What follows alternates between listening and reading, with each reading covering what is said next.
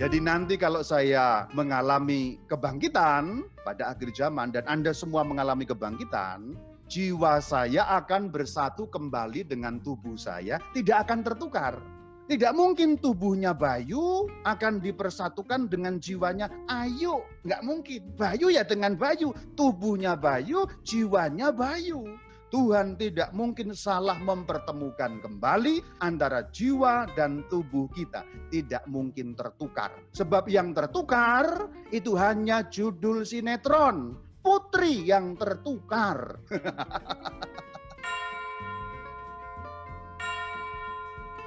Semuanya shalom alaikum. Pertama, kita akan mengutip satu ayat dari Injil Markus 12 ayat 27. Ia bukanlah Allah orang mati, melainkan Allah orang hidup. Kita membahas mengenai kebangkitan orang mati, karena orang memang mati, tetapi tidak selama-lamanya berada dalam kematian, karena suatu saat nanti, jika saatnya tiba, semua orang mati, termasuk kita, akan mengalami kehidupan, karena Allahnya kita adalah Allahnya orang hidup. Hal pertama, Anda harus mengingat mengenai rute orang mati. Apa yang dialami oleh raga atau badannya mengalami penguraian, mengalami pembusukan kembali menjadi debu tanah. Sampai kapan? Sampai akhir zaman tiba. Nah, pada saat akhir zaman terjadi yang namanya kebangkitan badan. Raga atau badan yang mati dibangkitkan, dibangunkan menjadi bahasa gampangnya raga itu hidup kembali. Maka ketika badan sudah dihidupkan kembali, kemudian dipertemukan kembali keduanya, jiwa dan badan itu menjadi satu namanya manusia kebangkitan. Dasar Alkitabiahnya, 2 Makabe 7 ayat 9. Pada saat zaman Makabe sudah ada keyakinan mengenai kebangkitan badan.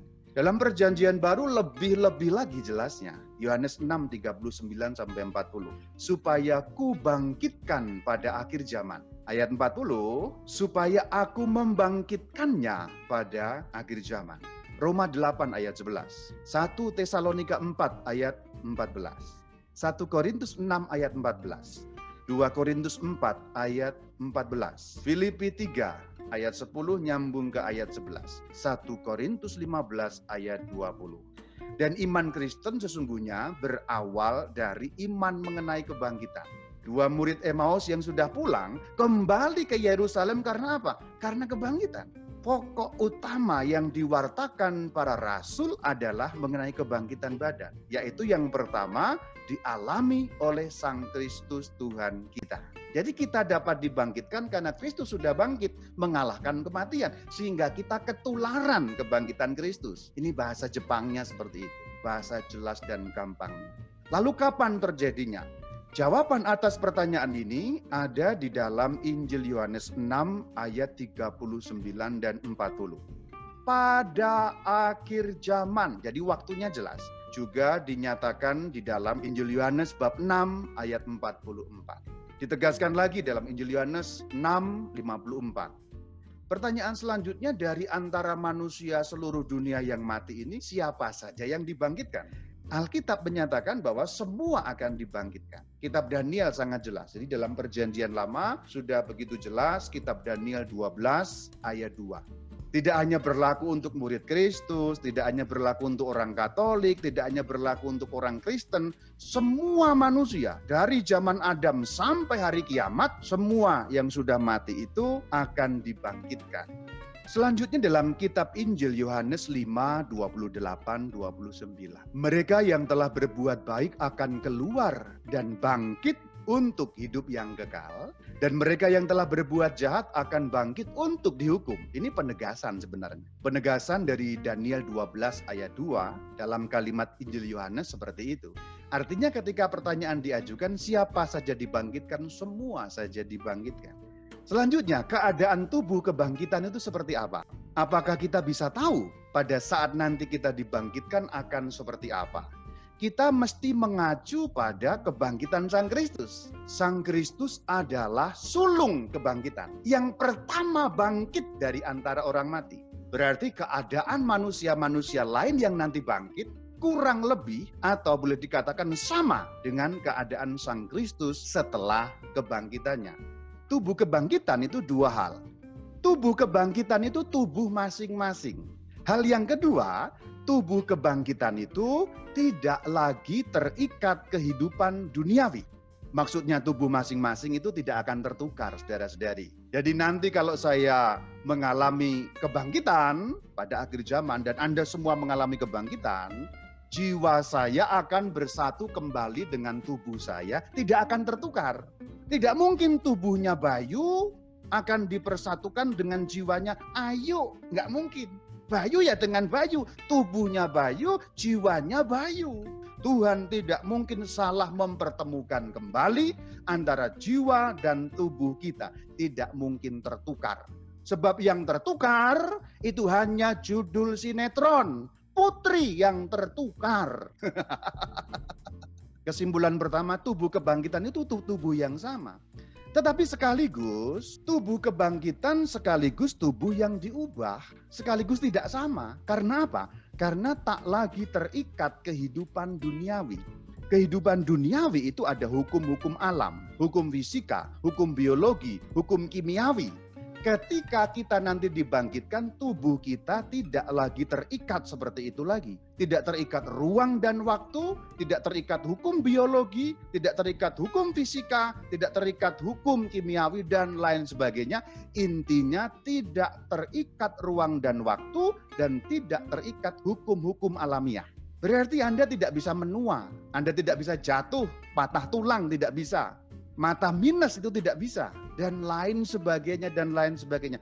Berarti kalau kita memikirkan tentang tubuh kebangkitan, dua hal yang menyatu ini harus dipikirkan, yaitu tubuh yang sama sekaligus tubuh yang diubah mengenai tubuh yang sama. Perhatikan bahwa Sang Kristus setelah bangkit, tubuhnya masih sama. Masih dikenali sebagai Sang Kristus. Lukas 24 ayat 39. Lihatlah tanganku dan kakiku, aku sendirilah ini. Rabalah aku dan lihatlah. Berarti itu tubuh yang sama namun sekaligus berbeda. Dalam Injil Yohanes 20 ayat 19 perhatikan, berkumpullah murid-murid Yesus di suatu tempat dengan pintu-pintu yang terkunci. Pintunya terkunci. Datanglah Yesus dan berdiri di tengah-tengah mereka dan berkata, Shalom Alaikum. Pintu terkunci tapi Yesus tiba-tiba ada di tengah mereka tanpa ketok, tanpa buka pintu. Ini artinya tidak lagi terikat hukum-hukum duniawi. Sama sekaligus beda. Samanya Yesus dikenali sebagai Yesus. Badannya, raganya raga Sang Kristus. Tapi sekaligus lepas dari hukum duniawi. Buktinya pintu terkunci tiba-tiba di tengah-tengah mereka. Kita lihat dalam Lukas 24, 30 dan 31. Ini penampakan kepada dua murid Emmaus. Mereka pun mengenal dia Artinya dua murid yang pulang ke Emmaus mengenal Sang Kristus. Berarti badannya badan sama. Karena dikenali sebagai dia yang adalah Yesus Kristus. Tetapi ia lenyap hilang tiba-tiba. Kok bisa menghilang? Karena tidak lagi terikat ruang dan waktu.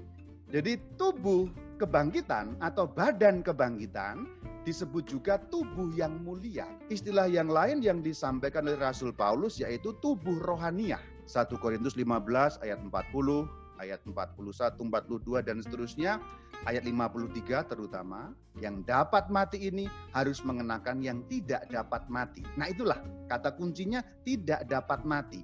Setelah dibangkitkan, tidak ada lagi manusia yang bisa mati. Yang di surga tidak bisa mati, yang di neraka juga tidak bisa mati. Ini berbeda dengan Lazarus ya, Lazarus yang dibangkitkan oleh Sang Kristus itu bukan tubuh kemuliaan. Ketika dibangkitkan setelah empat hari mati itu, tubuhnya tetap tubuh duniawi, terikat hukum fisika, hukum biologi, dan seterusnya. Bagian terakhir, bagaimana caranya? Ini sepertinya sulit dibayangkan. Karena agak sulit dibayangkan sampai-sampai gereja Katolik di dalam CCE atau Katekismus Katolik Ecclesiae atau KGK Katekismus Gereja Katolik artikel yang ke-1000 menulis demikian. Cara ini melampaui gambaran dan pengertian kita. Kita hanya dapat menerimanya dalam iman. Gambaran itu juga disampaikan dalam tradisi suci yang disampaikan oleh Hagios Irenios atau Sanctus Irenius yang menulis kitab yang berjudul Adversus Hereses. Memang mengenai cara kebangkitan ini masih misterius untuk kita. Kita memang hanya dapat menerimanya dalam iman karena di luar jangkauan akal, di luar jangkauan ilmu pengetahuan. Bagaimana? Sudah menjadi debu tanah kok bisa bangkit, kok bisa hidup kembali. Beberapa hal pun masih misterius. Misalnya nanti akan ada pertanyaan, orang mati pada saat balita, misalnya baru dua tahun, pas kebangkitan umurnya berapa? Romo ini kan hal-hal misterius yang masih mengganggu pikiran kita. Namun begini, saya menggunakan cara Jepang jelas dan gampang untuk menggambarkan. Saya mau membandingkan kebangkitan orang mati atau kebangkitan badan pada akhir zaman dengan penciptaan kita. Kita ini kan diciptakan dengan kuasa Allah, oleh kuasa Allah, melalui hubungan laki-laki dan perempuan yaitu ayah dan ibu kita. Ayah dan ibu kita berhubungan seksual, kita itu kan hanya berupa apa sih awalnya? Hanya berupa janin yang sangat kecil. Awalnya kan hanya cairan kan. Kita ini kan awalnya cairan krimi-krimi begitu kan. Lo kok jadi kita? Kok jadi seperti ini? Kok ada mata, ada gigi, ada kepala, ada rambut, ada tangan, ada kelengkapan organ. Ini dari mana coba? Kalau Allah yang sama bisa membangun manusia dari cairan yang nggak jelas itu, apakah sulit bagi Allah membangun kembali tubuh manusia dari debu tanah yang sudah nggak jelas itu? Untuk saya pribadi itu nalarnya sama.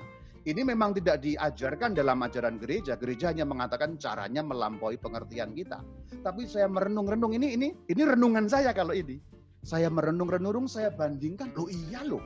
Yang menciptakan kita sanggup membuat dari bahan yang tidak jelas itu menjadi jelas kita seperti ini. Apakah sulit bagi Allah yang sama membangun kita dari debu tanah, memulihkan kembali badan kita? Shalom alaikum.